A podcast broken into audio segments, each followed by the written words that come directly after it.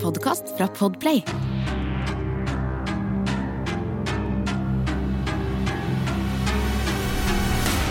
Hei og velkommen til sesong to av Forsyningsfredag podcast. Denne episoden kan være veldig skremmende for enkelte lyttere, så derfor vil jeg anbefale deg som er yngre eller sensitiv, å enten lytte med en voksen du stoler på, eller skru av. Dette er saken om 22 år gamle Elizabeth Short, født 29.07. i 1924 i Hyde Park i Boston, Massachusetts. Hun hadde fire andre søsken, hvorav alle de andre også var jenter, og hun hadde en stor drøm om å en dag bli en verdenskjent skuespiller. Elizabeth ble oppdratt av moren sin i Medford i Oregon, men allerede som 16-åring blir Elizabeth flytta av gårde til Florida fordi hun hadde ekstreme plager med både bronkitt og astma.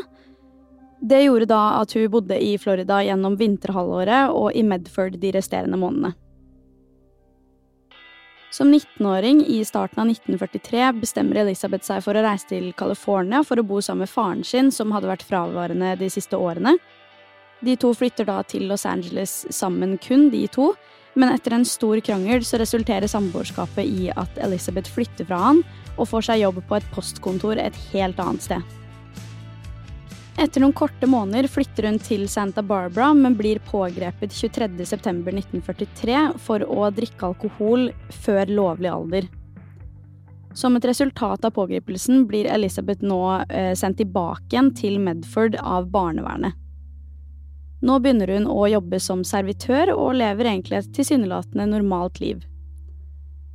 Det er i 1946 at Elizabeth flytter til California igjen og bor på flere forskjellige steder, noen ganger på hotell, andre ganger på sofaen hos venner eller lignende. Dette gjorde hun jo fordi, eh, som jeg nevnte innledningsvis, så ønsket hun å følge skuespillerdrømmen, og følte at California og Los Angeles var det perfekte stedet å kunne oppnå det her. I denne perioden brukte hun visstnok også mye tid sammen med en mann som heter Robert Manley, som hjalp hun med å sjekke inn på The Biltmore Hotel. Dette er også, ifølge etterforskningen, et av de siste stedene Elizabeth ble sist sett i live. Noen vitner forklarer også at de har sett hun i live like etterpå, etter at hun har sjekka inn på hotellet, men da på en kafé rett nede i gata for hotellet. Uavhengig av sted så er uansett begge disse observasjonene skjedd 9.1.1947.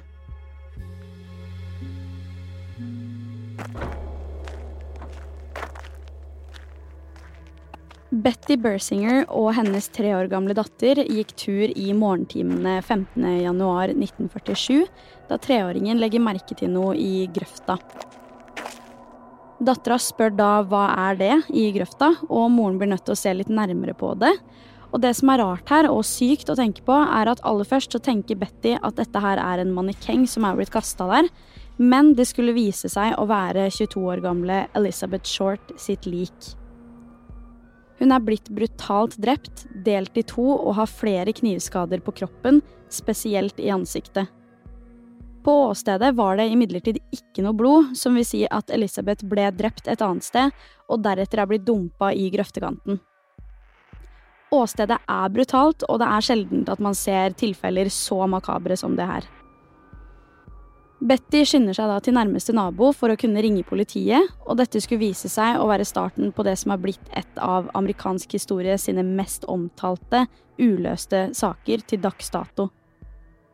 Pressen på den tida her skrev også veldig mye om denne Black Dahlia-saken, og det var faktisk der navnet Black Dahlia også oppsto, fordi de ikke hadde lov til å skrive Elizabeth Short, og i tillegg så skrev de mye om saken før hun i det hele tatt hadde blitt identifisert. Grunnen til at de da kalte hun Black Dahlia, var fordi at Elizabeth alltid gikk i sorte klær, og hun ble også funnet i sorte klær. Og der har vi da Black-delen av navnet, men eh, Dahlia-delen kom fra en film som gikk på kino på den tiden her, som het The Blue Dahlia, og da endte de opp med å kalle hun The Black Dahlia.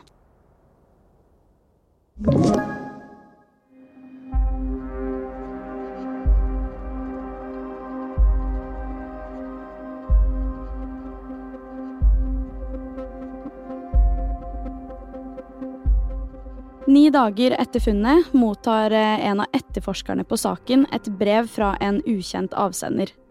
Brevet er ikke skrevet på normalt vis med håndskrevet tekst eller noe sånt noe. Det er nemlig skrevet og laget ut fra gamle avisutklipp, antageligvis for at avsenderen ikke skal kunne identifiseres på håndskriften sin. Og det her er hva som sto i brevet. Los Angeles Examiner and other Los Angeles papers. Here is Dahlias belongings. Letter to follow. Vedlagt var det da en konvolutt som inneholdt personlige eiendeler tilhørende avdøde Elizabeth Short, nemlig en gammel adressebok med noen sider som var borte og revet ut, noen personlige bilder og også trygdekortet til Elizabeth. Alle eiendelene hadde blitt dynka i bensin i tillegg for å kunne fjerne eventuelle fingeravtrykk. Dette er ikke det siste brevet som blir sendt til autoriteter og nyhetsaviser, for kort tid etterpå kommer det enda et brev som lyder som følger. Here it is.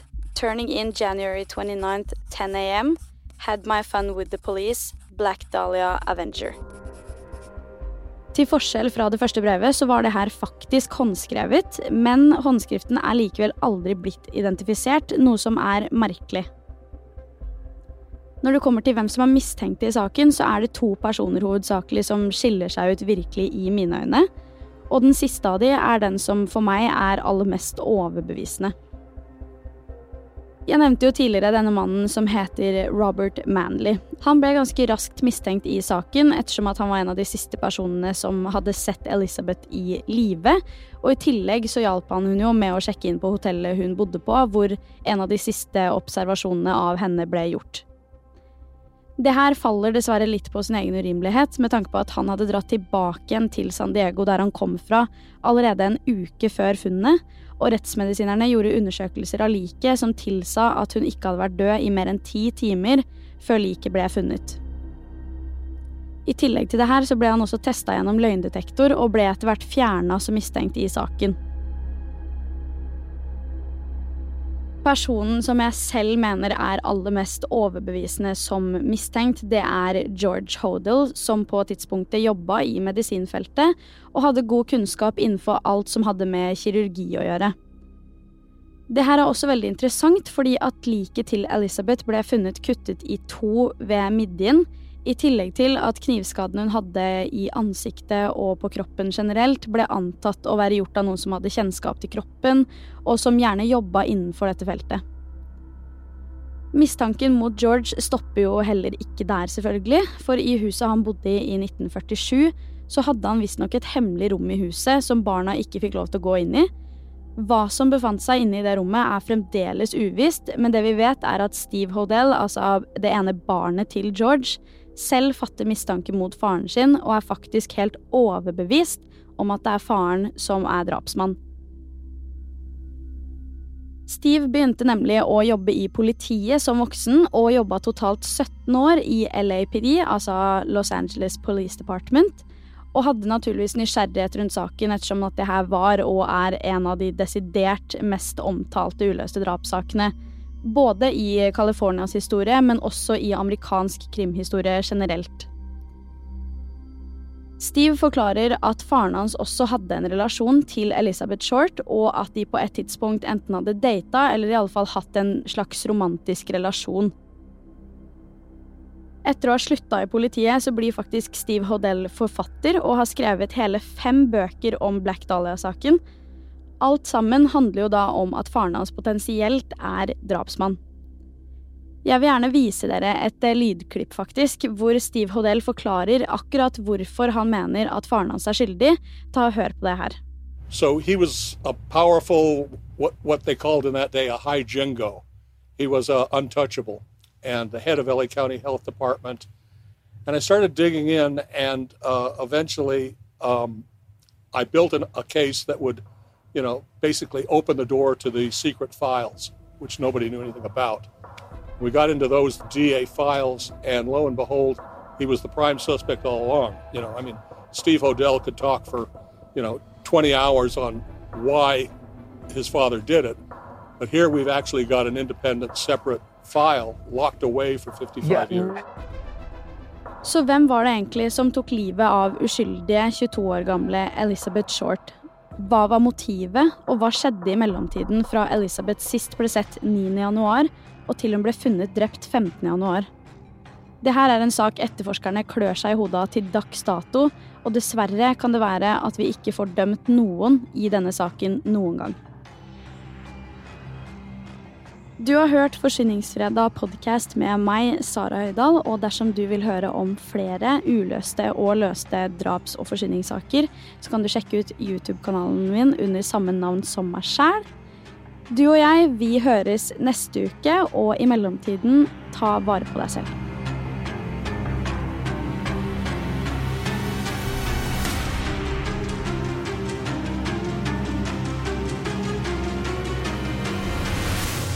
Du har hørt en podkast fra Podplay.